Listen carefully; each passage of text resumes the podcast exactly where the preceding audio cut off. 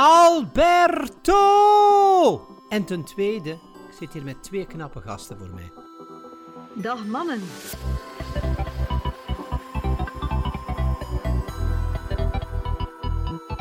Hallo Dries. Ja. Vertel eens. Dat kan niet. Dat kan niet. Ik heb zo mijn eigen ogen gescand. Please. If, dat kan niet. Ja.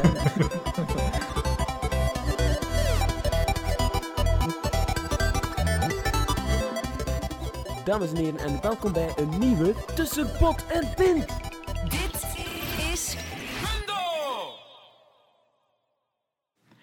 Hallo en welkom bij een nieuwe Tussen Pot en Pint. Vandaag hebben we alweer een gast. Hij is freelance journalist, schrijver en fotograaf. Doet iets met technologie en noorbannen bij In The Pocket. Heeft een eigen clubje op het internet, een niet uit te spreken Twitter-handle. En hopelijk mogen we hem aan het eind van deze aflevering ook Smolly noemen. Thomas Smolders, dames en heren. Hey, hallo. Welkom. Merci.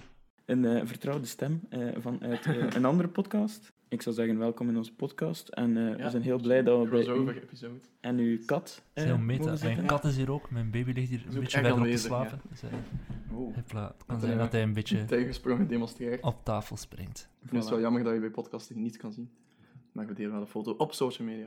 Perfect. Goed. Eh, Thomas, we willen graag een beetje beter leren kennen. Ik weet al dat je een, een heel actieve carrière op je naam hebt. Ehm, dus kan je even schetsen wat je al allemaal gedaan hebt? Wow, oké. Ehm, Direct. ja, dat is echt been erin. meteen, meteen erin vorm. Toen ik 15 was, deed ik samen met mijn broer mee met de overname, een project van de VRT. Ik weet dat Thijs van de Poel in de vorige Ja, aflevering daar Ja, een, verwijzing naar gedaan heeft. Ik deed samen met mijn broer daaraan mee. En voor ons ging toen echt de hele wereld open. We zagen heel veel jongeren die, die bezig waren met media. Dus wij zelf we maakten af en toe stop-motion filmpjes, maar we wisten niet dat er ook nog andere mensen ook met video's en met fotografie en, en al dat soort dingen bezig waren. Vanaf toen zijn we er echt nog veel meer op gaan focussen en meegedaan aan kunstbenden en zo. En ik wist vanaf toen ook dat ik later iets in die richting wilde gaan doen. Dat was tot dan toe nog nooit een optie geweest. Ik dacht dat je gewoon alleen maar dokter of eh, ja, wat, wat zou je nog, ingenieur of zo zou kunnen worden. Mhm. Maar dankzij de overname wist ik dat dat ook een carrière in de media zou kunnen eh, bestaan. Toen ik naar de universiteit ging, heb ik daarom communicatiewetenschappen gestudeerd, omdat dat minst, eh, het meest aanleunde bij wat dat ik wilde doen. Ik was al vrij snel ontgoocheld in die studie, omdat die veel minder zwaar was dan ik had verwacht. En veel minder up-to-date. Cursussen die spraken nog van Radio Donna, terwijl de M&M al jaren bestond. Oh. En die, die, die keken het internet aan als het wereldwijde web. Ehm, dus dan ben ik zelf mensen gaan interviewen die bezig waren met, met coole dingen te maken. En mensen die WeTransfer gebouwd hebben, een correspondent, eh, al dat soort projecten, ben ik gewoon zelf gaan interviewen. En om duur ben ik bij Blendel terechtgekomen. Ja. En Dat was toen een, een Nederlandse ondernemer, Alexander Klupping, die had het idee om Blendel op te richten. En die had mij via, via, via mijn blog terecht eh, gekomen. En die vroeg of dat ik bij hem wou komen werken, meehelpen aan dat idee, dat groot maken. Toen heb ik een jaar in Amsterdam gewoond en gewerkt. En dat was heel cool. Ik weet niet of jij Blendel kent. Blendel is de iTunes Ja, voor ja. journalistiek. Je koopt een artikel per stuk in plaats van je een volledige krant moet kopen. Ja, of zo'n abonnement hebben ze nu ook. Ja, nu hebben ze ook inderdaad een abonnement, maar ze merkten dat die formule niet helemaal werkte met dat per stuk kopen. Ja, en dat was heel cool enerzijds, maar ik heb heel veel verschillende krantenredacties kon komen om al die contracten af te sluiten en zo. Maar anderzijds voelde er ook wel wat, wat wrang, want ik kwam op al die redacties waar dat mensen stukken aan het schrijven waren, omdat er zoveel media gemaakt werd. En dan moest ik met een uitgever gaan onderhandelen over cijfertjes en over dingen die in een contract stonden en zo. En ik wou gewoon zelf dingen maken. En toen ben ik terug naar België verhuisd ben ik aan de slag gaan bij een creatief bureau. Dift heet dat. Daar heb ik 2,5 jaar gewerkt als strateeg, eh, copywriter, marketing. En deed eigenlijk alles wat niet onder design viel. We waren met acht. En dat was heel tof. Het eerste jaar, eerste anderhalf jaar, kon, ik had ik weet niet hoeveel vrijheid. Maar na een tijdje merkte ik, hier ga ik niet veel meer bijleren. Ik ben, ben de enige die met communicatie en zo bezig is. Ik heb niemand van wie dat ik zelf nog dingen ga leren. Ehm, en toen ben ik beginnen rondkijken wat, wat er nog zou kunnen zijn. En net toevallig viel er toen bij de tijd eh, iemand weg. En hebben ze mij gevraagd, wil jij niet een half jaar of een paar maanden die persoon vervangen die naar Amerika gaat? Ben ik fulltime bij de tijd als techjournalist aan de slag gegaan. En ik wist altijd dat dat tijdelijk was. En ondertussen hadden bij In The Pocket, een Gens digitaal digital product studio, noemt dat dan, technologiebedrijf, ook de kans om daar aan de slag te gaan nadien. eh, terwijl ik ook bij de tijd vast in dienst mocht blijven. Maar dan ben ik bij, eh, toch bij In The Pocket gegaan in plaats van vast bij de tijd te gaan werken. Omdat je nog meer in die technologie wou... Ja, ja, wel. Ik had enerzijds het aanbod van de tijd, de echt fantastische krant is, supergoeie redactie, ik vind het echt een fantastische krant. Maar anderzijds dacht ik, of dat, of dat ik nu bij de tijd ga gaan, of dat ik binnen vijf of tien jaar terugkeer, die krant zal nog altijd min of meer hetzelfde zijn, dat bedrijf zal min of meer hetzelfde zijn. Dat gaat niet plots zot groeien of veranderen. Terwijl in de pocket op zo'n kantelpunt staat, en dan merk ik nu absoluut die maanden dat ik er nu al zit, hoeveel dat er veranderd is. Ik was de 79ste werknemer, we zijn nu met 103. Op vier maanden tijd is dat gewoon extra vestiging in Leuven, zoveel meer ambities nog om, om echt hard te gaan. Dus ik ben blij dat ik die keuze heb gemaakt. Ik kan later wel nog bij de kranten. Ik kan altijd freelance zoals ik nu aan het doen ben. Hè. Ik schrijf nog altijd voor verschillende kranten en daarnaast. Mhm.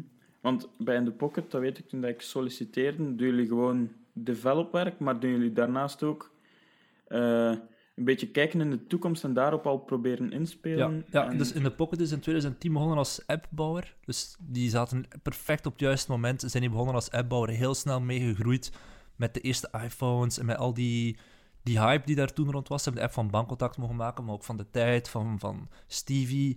Heel veel grote applicaties zijn gemaakt door In The Pocket. En we zouden perfect nog vijf jaar kunnen blijven bestaan als we puur applicaties bouwen.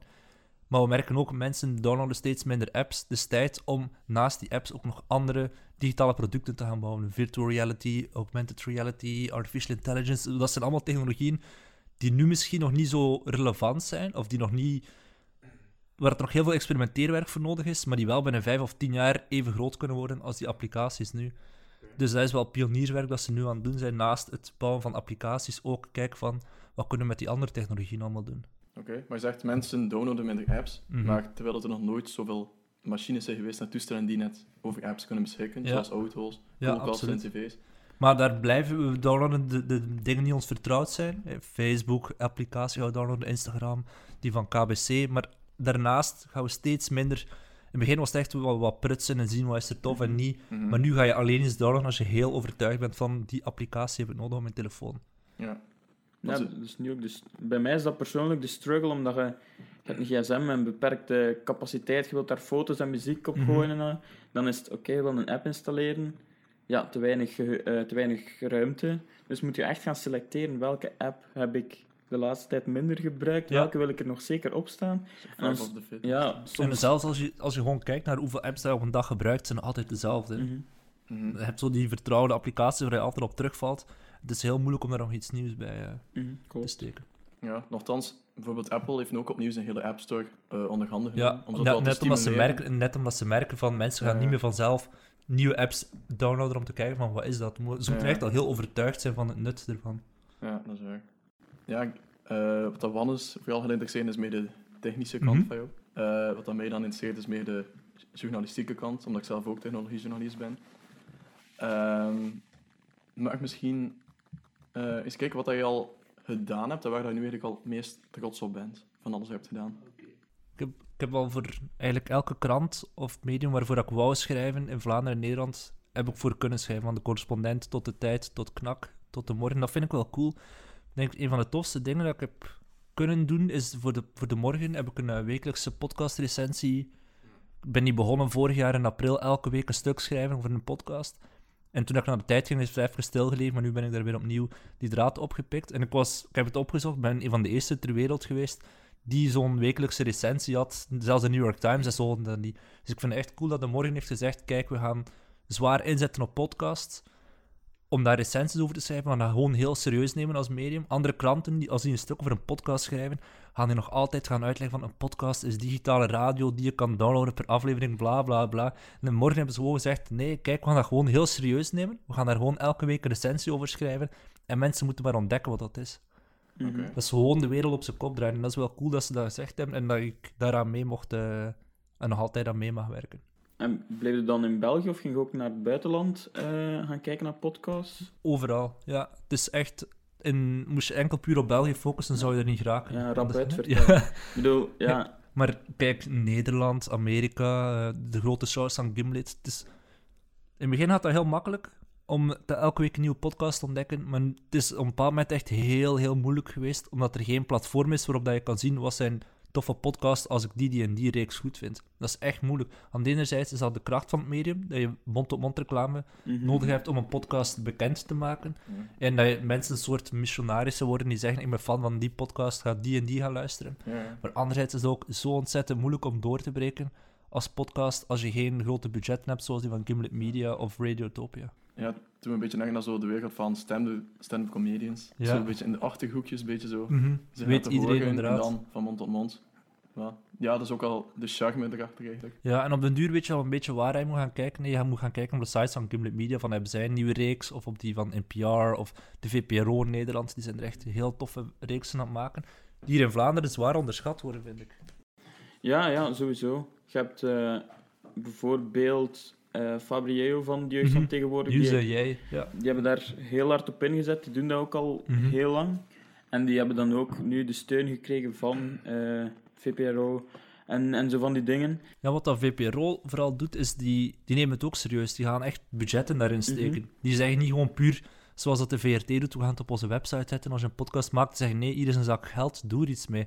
Zo is Bob, de Vlaamse podcast, die is gemaakt met steun van de VPRO.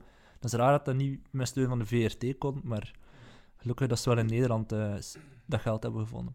Mhm, Want VRT is vooral van hun eigen radioshows die ze opnemen en dan Mhm. online gooien. Of, En vaak hoor je dan nog zo het journaal ervoor. ja, Dat ze zelfs te luisteren om dat eruit te knippen. Dat was vooral twee, drie jaar geleden, weet ik dan nog, shows van de VRT die echt goed zijn. Zoals die Napoleon-reeks van Johan Op de Beek. Dan hoor je nog van, dit is het journaal van 12 januari. eh, er is een spookrijder gesignaleerd op, de, op de, de weg naar, weet ik veel, naar Nazareth of zo. Inderdaad, dan luister je in juni en denk je, fucking hell, het is, het is super warm, moet Ja. weerbericht niet horen dat het sneeuwt. ja, het is, het is eh, ja, ik denk de VRT vooral Winteruur, dat daar een Ja. bekende ja, podcast was. Ehm, maar voor de rest denk ik dat het heel beperkt blijft. Maar natuurlijk, podcast is heel lang, laagdrempelig, dus je Mhm. kunt er, ja, als je 100 euro hebt, of zelfs nog niet, kunt je eraan beginnen. Ja, absoluut. En wij hebben dat in ons- in onze studententijd ook gedaan. Dat was gewoon, oké, gaan we eraan beginnen? Oké, ja, is goed. Dus tijdens de les Ja. ontstaan. En voor de rest, doe er maar, of dat er niemand luistert of niet. Want welke podcast luisteren jullie graag? Eh, in die tijd was dat dan Mossel om half Mhm. twee, die dan Ja, begonnen was. Eh, ook een heel grote serial bijvoorbeeld. Eh, en dan eh sportgerelateerd. En nu zijn er bijvoorbeeld, zoals Computer Club en zo, heel veel eh specifiekere podcasts. En ook heel veel mensen die nu ehm, in de zevende podcastrevolutie die nu aan het gebeuren is, eh, ook een podcast willen starten. En die daar ja, heel, heel eh, gedreven in zijn. Ja, ik denk dat we in Vlaanderen echt die impact van Moslim om half twee niet mogen onderschatten. Het is echt Ja. fantastisch wat Alexander hier heeft gedaan. Ja, echt wel op de kaart te zetten. Ja, het is dat. En die is er wel miskend door geweest. Allee, die heeft bijna nooit in de traditionele media aan bod kunnen komen. Maar ik vind dat echt fantastisch. Ik heb ze alle 300 beluisterd en vaak ook naar de live shows geweest. Ik vind het eh, heel chic dat hij dat heeft kunnen doen. Ja, en ook gewoon om bijna duizend man te mobiliseren. Ja, en om gewoon te betalen om naar ja, een opname van een podcast van vier uur lang te gaan luisteren. ja, en echt, ja, echt gewoon ja, vier man op een podium, tafel, Mhm. micro's en stoelen. En hallo, hier zijn we, we gaan praten en veel meer gaat er niet En gebeuren. allemaal inside jokes die niemand kent. Ja, dat vind ik net het cool aan Ja, Mossel ja, half twee. Als je dat van in het begin luistert, dan hoorde die inside jokes tot, tot aflevering 300 of zo. Mhm. En eigenlijk zou ik daar eens op van, van 0 tot 300 eens opnieuw moeten beginnen, moest ik tijd hebben, maar Dus dat-. Het is echt dagenlang hè, dat je er naartoe moet Mhm. luisteren. Om de... Maar dat, is ook, dat maakt het aan de andere kant ook wel moeilijk om te pitchen aan, want- aan, aan mensen om, om naar die podcast te luisteren. Je moest echt allemaal luisteren om mee te zijn. Mhm. Terwijl bij een Serial of een Bob kun je één zijn zeggen, het gaat daarover. En mensen gaan dat downloaden en die zijn mee. Maar Mosselen is zo moeilijk. Van waar begin je? Ja, klopt. In de laatste 100 afleveringen hadden we wel een paar losstaande afleveringen, want we hebben ook een podcast met Xander Mhm, gedaan. mhm. En dat, dat zei dan ook dat er ook echt losstaande afleveringen met BV's en zo waren. Ja. En die kun je dan wel los gaan beluisteren als je een BV die interesseert, maar voor de rest denk ik... De ja, Gilles en Dimi afleveringen zijn echt... Als je niet mee bent, snap je helemaal niets van. Ja, en als je mee bent, zijn dat de, De beste. de beste, ja. Ja. ja. klopt, 100%. Maar als je kijkt wat er nu al uit is voortgekomen van andere podcasts, van de Welcome to the AI podcast van Alex Agnew tot Gilles en Dimi zijn deze week een podcast Ja. begonnen, zag ik deze, deze week. Dus eh, ook heel grappig, zeker eens luisteren. Oké, eh. ja. Ehm, ja, nee, ehm, je hebt ook een boek geschreven. Ja. Eh, achter onze schermen. We zitten nu achter onze schermen. Mhm. Ehm, maar dat gaat vooral over de sociale media dan. Over technologie, ja, ik had... Ik wou eigenlijk al, al heel lang een boek schrijven. Ehm, verschillende pogingen ondernomen, maar daar nooit echt iets serieus mee gedaan. Toen kreeg ik plots een mail, twee jaar geleden, op een random dag van Harold Polis, een uitgever die echt wel serieuze boeken uitgeeft. Als ik zo kijk naar wie dat er nog bij stond, is dat van Mia Doornaert tot Joël de Keulaar. Allemaal oude witte mensen, dat is wel Mhm. lachen. Ehm, en die vroeg van, ja, ik, heb, ik lees soms eh, je technologieartikelen, wil ik er afspreken. Misschien zit er een boek in wat dat jij schrijft. En bij hem op café geweest en hebben gediscussieerd. En besloten van, kijk, er zijn al heel veel technologieboeken voor een publiek dat heel hard bezig is met technologie. Over de impact van, wat gaat de impact daarvan zijn op ons leven en op de maatschappij. Want er zijn heel weinig boeken voor mensen die daar wat bang voor zijn. Of mensen die zeggen van, dit is niets voor mij, technologie, ik kan daar niet mee omgaan. Terwijl dat voor hun ook heel belangrijk is, dat die weten van, wat is de impact op online privacy, wat is de impact van... eh, op de geneeskunde bijvoorbeeld, eh, dokters die met robotchirurgie werken en zo. Er is zoveel ingrijpende veranderingen. En als je daar wat bang van bent, of als je daar apathisch voor bent, dan is er wel een gevaar voor dat er kan ontstaan in de samenleving. Dus toen hebben we besloten, we gaan een boek maken dat net bedoeld is voor die mensen. Dus in een heel laagdrempelige stijl, Ja. met een cover die absoluut niet eruit ziet als wat een boek is over technologie in mijn tekening. We hebben, we hebben heel lang zitten sukkelen van wat kunnen we doen op die cover. Dat het er niet uitziet als dit is een handboek om met een computer op te gaan. Ehm, en uiteindelijk hebben we een kinderillustrator gevonden die de tekening heeft gemaakt, zodat het heel laagdrempelig is. Maar we merken, als nu, nu is het anderhalf jaar uit, merk ik hoe moeilijk dat is om dat te kunnen verkopen, ook aan een boekenverkoper. Het idee van het is een boek dat niet fictie, niet non-fictie is, het is een boek dat bedoeld is voor mensen die niet met computers kunnen omgaan. Ehm, het heeft een beetje overal gelegen. Het heeft gelegen bij de non-fictieboeken, het heeft gelegen bij de fictieboeken, het heeft ja, en dat, dat, is wel de moeilijkheid geweest om die mensen te bereiken. Ik ga veel lezingen geven, zo in de okras, in de pensioenen, Mhm. gepensioneerde bonden. En eenmaal dat mensen een boek gelezen hebben en dat ze erover gehoord hebben, zijn ze echt volledig mee. Maar het is heel moeilijk om die eerste stap te kunnen nemen om hen te bereiken. Ja, dus het is echt een beetje een onnuchterende blik op Ja. alles van Ja, wat er nog met zo de positieve en de negatieve kanten van... Ja. Het, gaat, het is een verhaal over een man die in een appartement woont en daar op een tijdsbestek van 24 uur lang allemaal mensen ontmoet die iets doen met technologie. Hij komt op straat terecht in een betoging en dan loopt hij naast een journalist die alles aan het livestreamen is en die vertelt over dat journalistiek veranderd is door technologie. Hij komt bij zijn buurman terecht die een robotchirurg is. Hij komt iemand tegen, een oud leraar van hem, die klaagt over hoe dat onderwijs veranderd is, maar ook de positieve kanten daarvan toont. Dat is zo wat verhalen. Oké, dus een beetje het tegenovergestelde van wat, eh, zoals Black Mirror doet. ja, absoluut. zo. Ah, Black Mirror is fantastisch. Hè. Moest je dat ooit kunnen schrijven, dat zou eh, een Vlaamse Black Mirror zou echt cool zijn. Weet, dat ging aan vecht. Goed, ehm, daarnet zei je van hoe technologie de journalistiek heeft veranderd. Mhm. En hoe heeft de technologie de journalistiek precies veranderd? Goh, op heel veel verschillende manieren. Ik denk dat vooral de, de journalistiek, het métier op zich, is niet zo heel veel veranderd. Je kan wel makkelijker bronnen vinden, en, maar het gaat nog altijd over een goed verhaal vertellen, of dat er nu al schrijven, of al podcastend, of al filmen is. Maar wel, de industrie er rond is helemaal veranderd door die technologieën. Als je zag in de jaren 90 zijn kranten wel naïef geweest. Die dachten, aan het internet, daar gaan we nooit geld aan kunnen verdienen. We smijten gewoon gratis de pdf online van de hele krant. Dat werd zo in de jaren 90 gedaan. En dat bleef zo maar doorgaan. In de jaren 2000 dachten ze, ah, we, moeten, we kunnen er geld aan verdienen met banners. We gaan overal advertenties opknallen en we gaan gewoon heel veel traffic naar onze websites halen. Waardoor dat er zo'n discrepantie kwam tussen... Enerzijds heb je de krant die heel serieus is en de papieren krant is heel degelijk. De standaard was echt goed op papier. En dan zie je een website vol met clickbait en onnozeligheden die echt bedoeld zijn om zoveel mogelijk bezoekers te lokken. Waardoor dat mensen zeggen van, nou, maar waarom zou ik hier ooit voor betalen? En in, in begin jaren 2010 merkten uitgevers, shit, we moeten echt met paywalls beginnen werken. Maar dan is het zo moeilijk als je iets altijd gratis hebt weggegeven, om dan nadien te zeggen aan mensen, ja, maar het is wel waardevol, je moet er wel voor betalen. En dat is wat er nu aan het gebeuren is, hè, die hele overgang naar paywalls en je Ja. mag vijf artikelen per maand lezen en daarna Ja. moet je betalen. Nu, je hebt al die achtergrond. Zijn mensen echt bereid om te betalen voor kwalitatieve dingen zoals de tijd? Ja, tot op zekere hoogte wel. Ja, mensen gaan niet op elke krant een abonnement nemen. En ehm, zelfs dan nog, je moet het echt heel makkelijk maken. Als ze, als ze merken van, moet je hier mijn bankkaart uithalen om één stuk te kopen en het is echt moeilijk, Dan zijn ze gewoon weg. Ze gaan wel iets anders gaan lezen op een andere site en een video gaan bekijken op YouTube. Ja, ja. ja, ik betaal bijvoorbeeld voor eh, de correspondent. Eh, daar ben ik wat tevreden van. En dan nog op medium.com, maar dat is Ja. zo van andere mensen. Ja, wel, dat zijn dus twee initiatieven die, met dat ik zeg, die industrie is veranderd. Twee initiatieven die de afgelopen vijf jaar ontstaan zijn, maar die wel evenzeer jonge lezers, die gaan dan misschien zich op de correspondent gaan abonneren en die komen niet meer in contact met de tijd en de standaard en zo. Mhm. En dat vind ik zo moeilijk. Vroeger werd dat zo van vader op zoon of van moeder op dochter of van weet ik veel. In een gezin werd een krant gelezen en dan ontdekten kinderen wat dat, dat was, een krant. En dan later, als ze groot werden, gingen ze ook een abonnement op de krant nemen.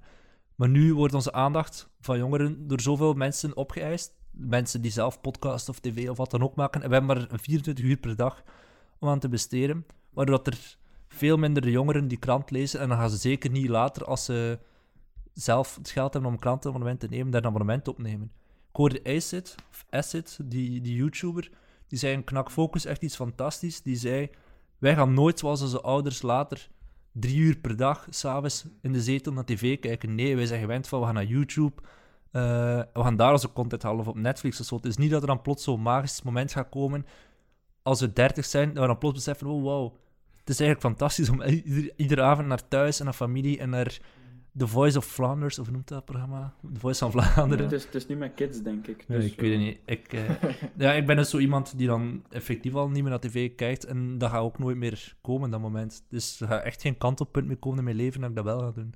Hetzelfde met kranten dus ook. Ik, denk, ik vind het echt moeilijk met zo'n krant als De Tijd.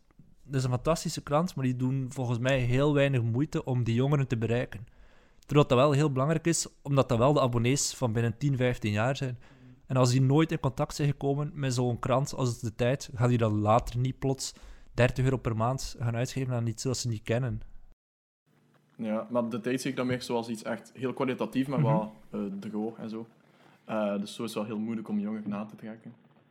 Ja, eh, ja, en- maar dat is wel waar dat mensen willen betalen. Ze willen betalen voor iets wat echt heel kwalitatief Ja, eh, is. Dus ze gaan niet willen betalen voor een nieuwsblad online. Of ha- maak HLN.be betalend en een kat daar. Ja, dus dat.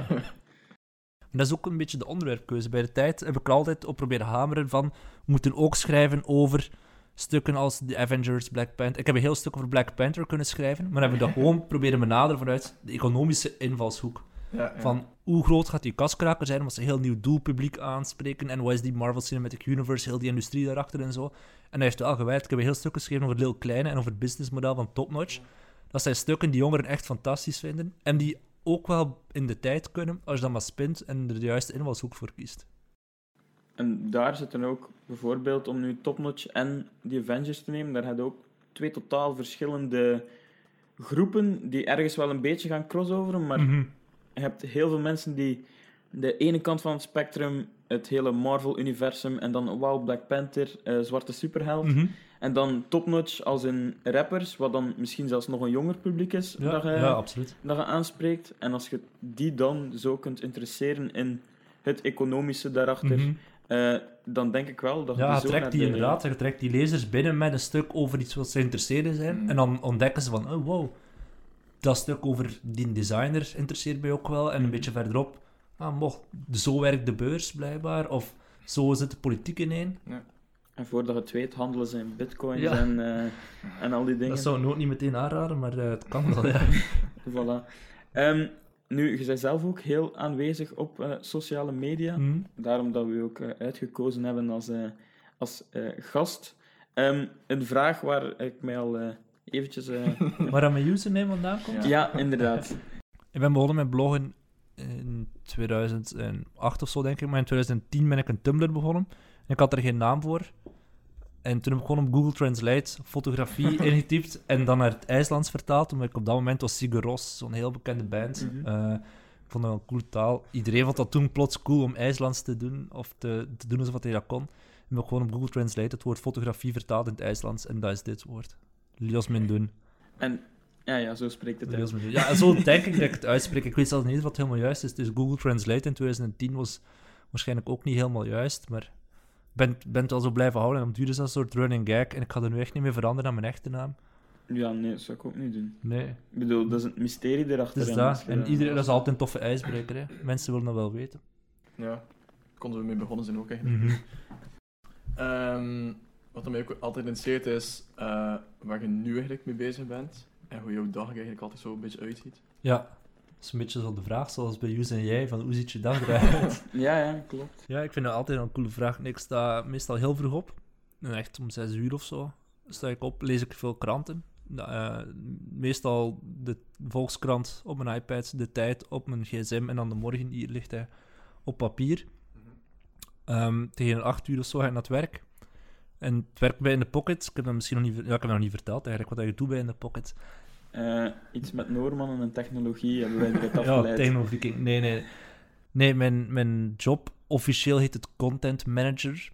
Komt er eigenlijk op neer dat ik drie doelen heb in de pocket. Eén is ehm, met de stukken die ik schrijf, of de podcast die ik maak, of alles wat ik doe, meer sales krijgen. Eh, dus maken dat mensen ontdekken van, ah, dat is in de pocket. Die, doen, die zijn bezig met augmented reality of met artificial intelligence en zo. Anderzijds, meer, vacatu- meer mensen kunnen aannemen. En ten derde, die thought leadership uitstralen van kijk, in de pocket, die zijn echt wel aan het nadenken over dingen die ons leven pas binnen vijf jaar zullen beïnvloeden, maar zij zijn er nu al mee bezig.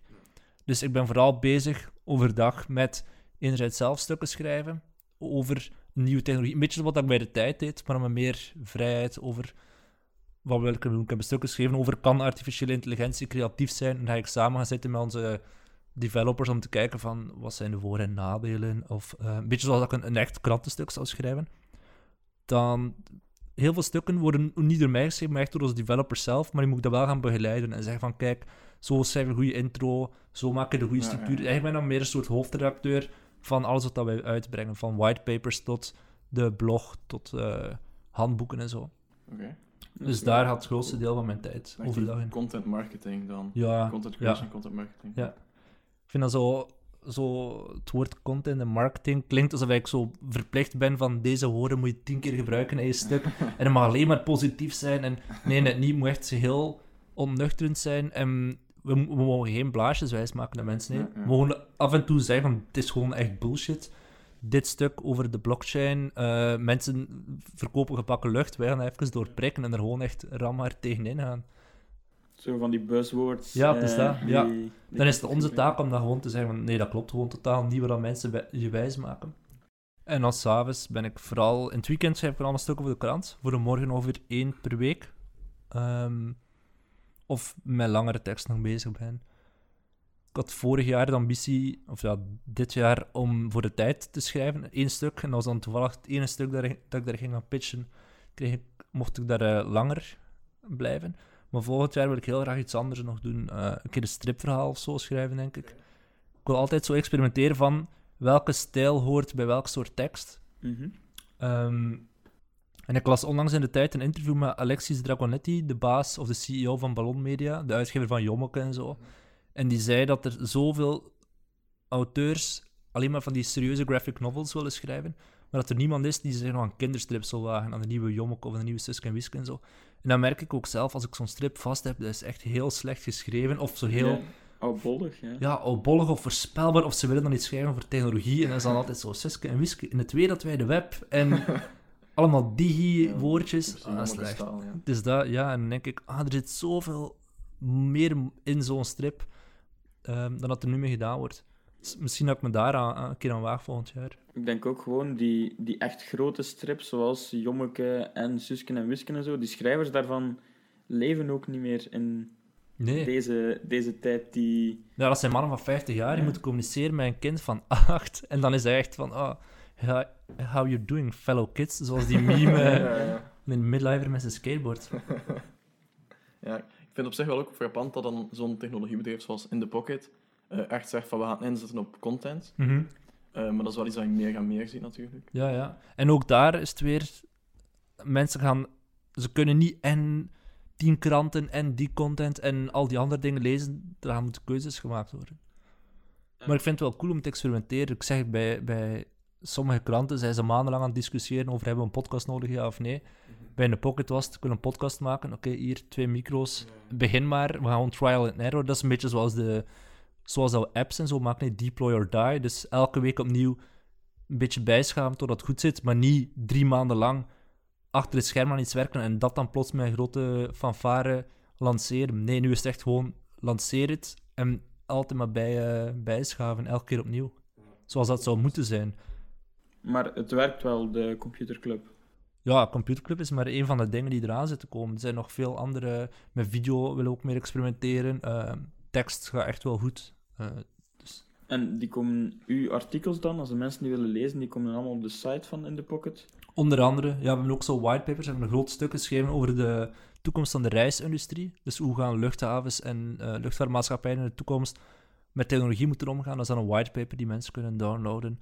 Of een, een shift. Een, we hebben een conferentie die heet Shift ieder jaar. Waarop dat we focussen op tien belangrijke technologieën en wat dat de verandering daar gaan zijn het komende jaar. Daar hebben we nu opnieuw weer zo'n boek over uitgebracht van 90 pagina's of zo. Met wat gaat er veranderen in de artificial intelligence, wat in de blockchain-wereld. En daar hebben we dan ook weer eh, niet per se zelf geschreven, maar vooral dat in- als hoofdredacteur wat gerund. Eh, en op technologisch vlak dan, wat is zo hetgene dat je het meeste prikkelt? Is dat nu Ik denk AI nu echt artificial, artificial intelligence. Ja. Ja, ja. Ja, de, op vlak van cloud computing staan we echt al heel ver. Maar dat is zo minder mijn ding, dat is echt heel technisch. Augmented reality ziet er heel cool uit. En kan je echt coole dingen mee doen. Eh, we hebben op kantoor zo'n HoloLens en een Magic Leap en zo. Ja. allemaal... De mixed reality. Ja, ik zie inderdaad een mixed reality, maar ook de Oculus Go en, al- en Ja, de augmented reality gewoon op je smartphone. Daar zie ik wel de functionele toepassingen, maar het. Coolste is gewoon filosoferen over AI en waar gaan we daar naartoe en wat kan het wel en wat kan het niet. En wat onderscheidt ons nog van een computer of van een gewoon stuk technologie als mens. Ja, zoals in het journalistieke dan. Dan Ja. is mijn mening zo wel, ja, een ja, AI gaat nooit echt de unieke insteek kunnen vinden en zo. Ja, wat is uniek, hè?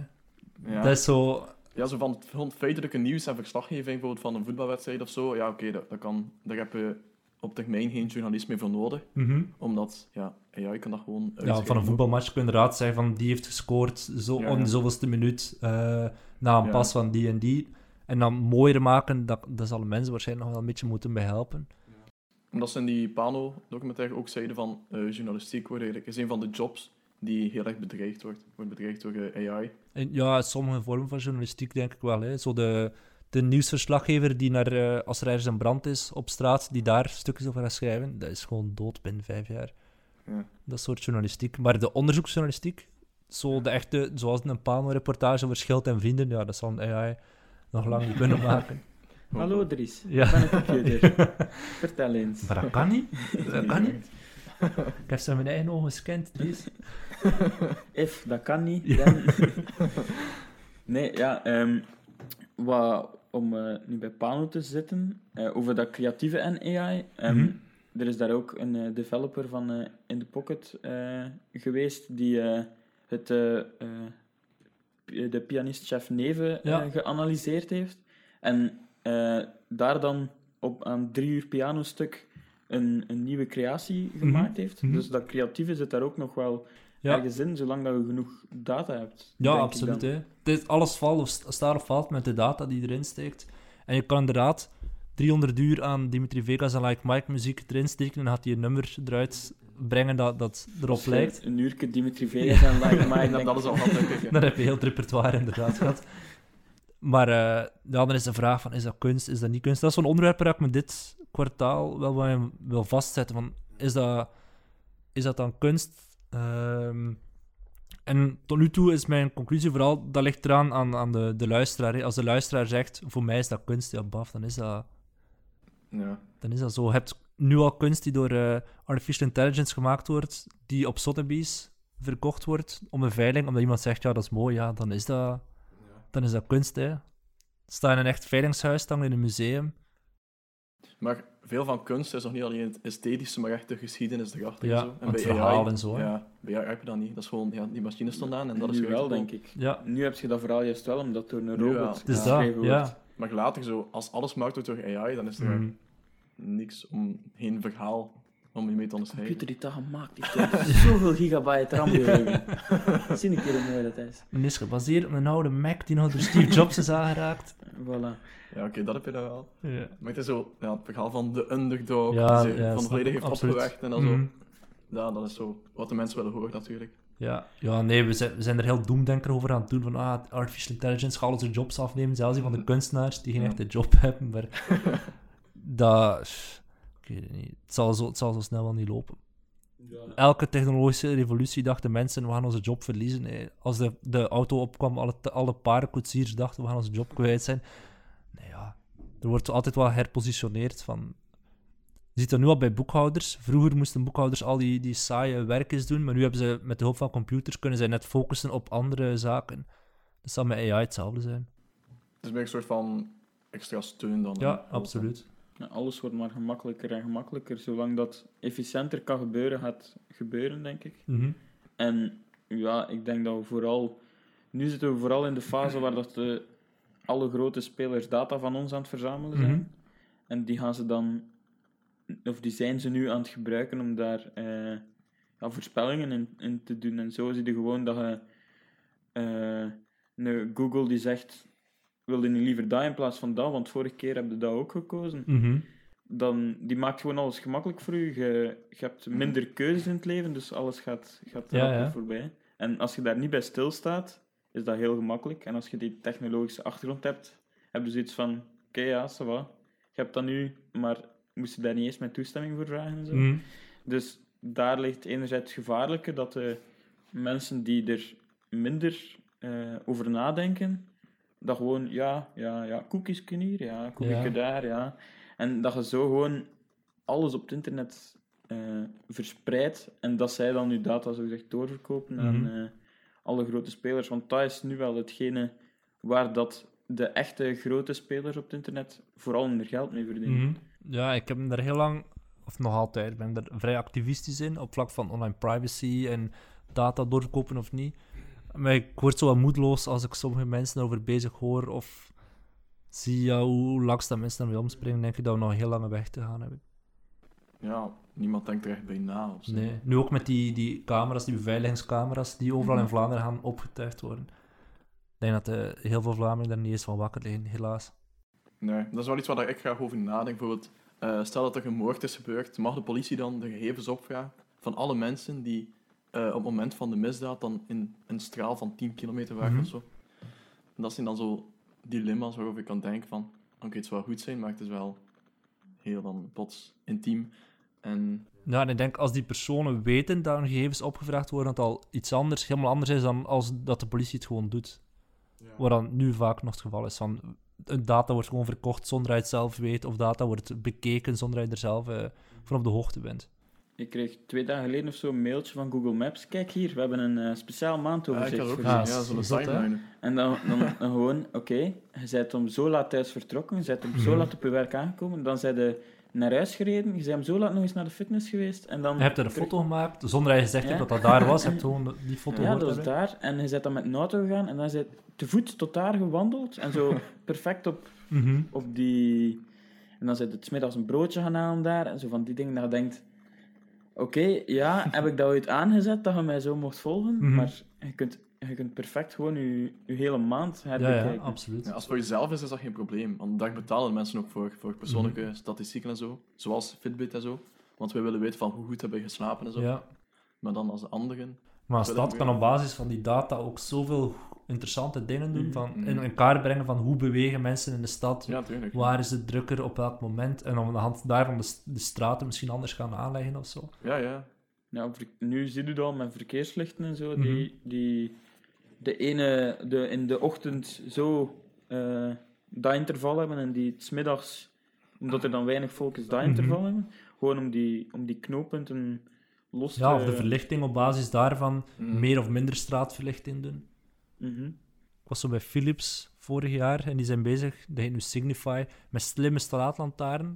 Die kunnen meten van, staat er iemand onder die lantaarn of niet? En aan de hand daarvan het licht aan of uit doen. Als dat een voetganger is, meer licht dan een auto die passeert. Kunnen tracken. Ja, dat dat is is echt... perfect. Mensen zo met lichtstralen Inderdaad, als je met een helikopter daarboven vliegt, kun je inderdaad zo aan de hand van de lichten zien waar dat er iemand wandelt. Mhm. Dat is wel cool. Allee, cool en ik weet ook niet of dat we nog nodig, ja. nodig hebben. Maar op Ja, vlak van precies. milieu is er wel een zotte vooruitgang. al. Ja, dat sowieso, want daar moet België denk ik sowieso Ja. al, al iets aan Het doen. enige aan land die- dat je zo vanuit de ruimte zo goed kan zien. Ja, voilà. ja. Ik denk dat als België zo met AI kan inzetten op eh, mobiliteit en zo, Mhm. dat is echt zo zalig zijn. Ja, Daar Maar dat- veel kansen in. Daarom zijn we te, hebben we te veel monopolies in onze mobiliteitswerking, denk ik. Ja, en moest je het NMBS daar wat AI op loslaten, kun je echt zotte dingen doen. Hè. Ze hebben nu zo'n real-time map, waar je Uh-huh. dus training kan volgen. Maar Ja, die is door... daar houden ze Maar mee dat één iets. Je moet vooral weten hoeveel bezoekers staan er in het, Ja, ja. in het station. Is het mooi weer, dus ga je naar de kust of niet? Is er een evenement ja. te doen? Dat is tenminste weten hoeveel wagonnen ze Ja, hebben in Nederland. Want nu, Nu is het echt, ah, we gaan de trein van Gent naar de Pannen op eh, een zondag, nee, de zaterdag, iedereen gaat naar Plopsaland. Het is mooi weer en dat dan twee wagonnetjes.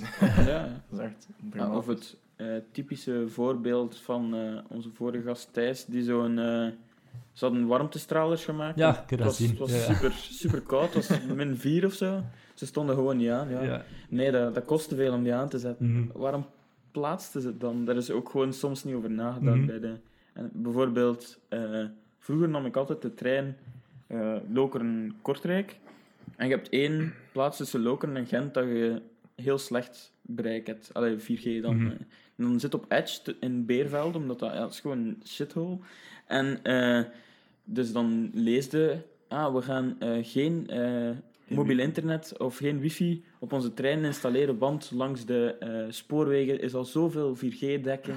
Dan denk je, nee, dat is, dat is gewoon niet waar. Dat is gewoon... En Mhm. in Nederland is dat er al vijf jaar en werkt dat perfect. Mhm. En dat je, hetzelfde met een tram.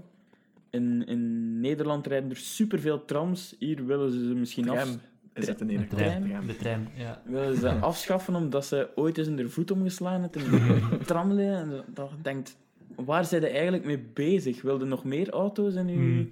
in uw stad of niet? Want dat is, dat is het hele punt. Je wilt, of met de trein gaat goed. Je kunt erop werken op de trein, je kunt er zoveel op doen op de trein. Maar het werkt gewoon niet in België. Mhm. En je kunt er niet op rekenen als je ergens moet zijn. ook een keer een paar technologen eh, op die dingen loslaten met Mhm. de NBS. Ja, ik denk leuk, de mensen die daar in de controlekamer zitten, dat die een heel saai job hebben of zo. Ja.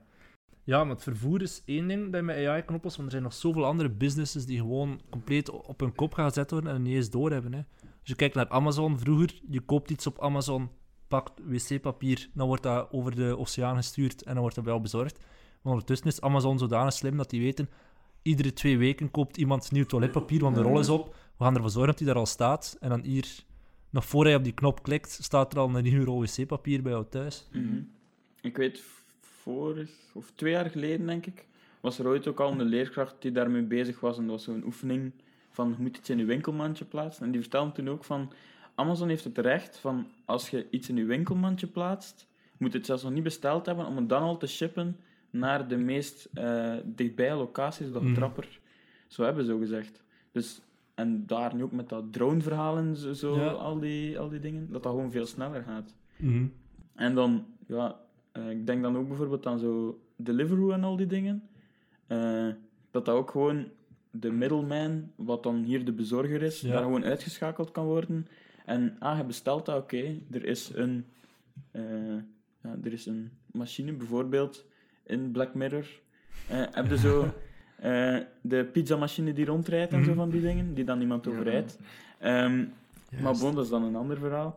Ehm, die, ja, die dan gewoon zo een Deliveroo-machine rondrijdt zo, Mhm. en die dan het gaat ophalen bij het restaurant en ja, gaat afzetten bij je thuis en dan de meest ideale route zoekt. En waarschijnlijk daar dan ook data in pompt van oké, we gaan dat toerke rijden, want, Mhm. en op die dag gaan we langs dat huis, pas- Ja. huis passeren, want die... Mensen zijn voorspelbaar. Hè? Mhm. kopen Ja, elke keer opnieuw dezelfde producten op dezelfde termijn. Inderdaad. En, en ook gewoon, ja, mensen... de mens is een wezen dat leeft in een vaste routine. Mhm. Die gaan s'morgens dat en dat doen. Dat zie je nu al aan je smartphone. Je hebt er al apps voor. Ja, ja, altijd Die- dezelfde apps Ja. die je bekijkt. En je hebt Dezelfde apps voor die dat zelfs trekken en die Mhm. zelfs... Kijk, eh, die een app die ge- gebruikt eigenlijk niet zoveel. Bijvoorbeeld nu in de nieuwe Android eh, P. P. Mhm. Daar zit er ook een soort van battery save mode in, die je gebruik gaat analyseren en die gaat zijn, kijk, tijdens je werk, kijk je bijvoorbeeld niet veel, op, niet veel op Facebook, dat is nu iets heel dom wat ik Mhm. zeg. We gaan Facebook en al de achterliggende batterij die gebruikt gewoon uitschakelen en Mhm. om vijf uur krijg je terug Facebook Mhm. en dan kun je dat gebruiken en als je dan op Facebook drukt, dan schakelen we dat aan. Maar Ja, dat is, ja, dat is gewoon inspelen op de voorspelbaarheid van de mensen, zo hun de levensduur van hun apparaten verbeteren. Ja. En terwijl de normale mens dat gewoon niet door heeft dat, nee. eh, dat dat gebeurt. En u denkt, amai, ze hebben er een heel goede batterij in Ja, gestoken. een mens denkt elke keer, oh, ik heb zoveel keuze in te lijzen en toch kies altijd hetzelfde. Klopt. Dat is inderdaad. En dan aan, aan de hand van uw eh, klantenkaartje krijg je speciale bonussen op Mhm. dingen die je dan toch altijd koopt. En dan denk je, ja, amai, en dan daarnaast ook nog goed. andere producten, omdat ze net willen dat je uit dat patroon eh, gaat. Klopt, inderdaad. Ja, daar liggen de mogelijkheden wel. Oké, ik denk dat we een beetje alles hebben aangehaald. Ja, dan eh, moeten wij bedanken. Moeten wij ook aan de luisteraar meegeven dat we vanaf nu op eh, Spotify te horen zijn. Ja, Eh, misschien is een aanrader voor de we computerclub. staan ook op Spotify.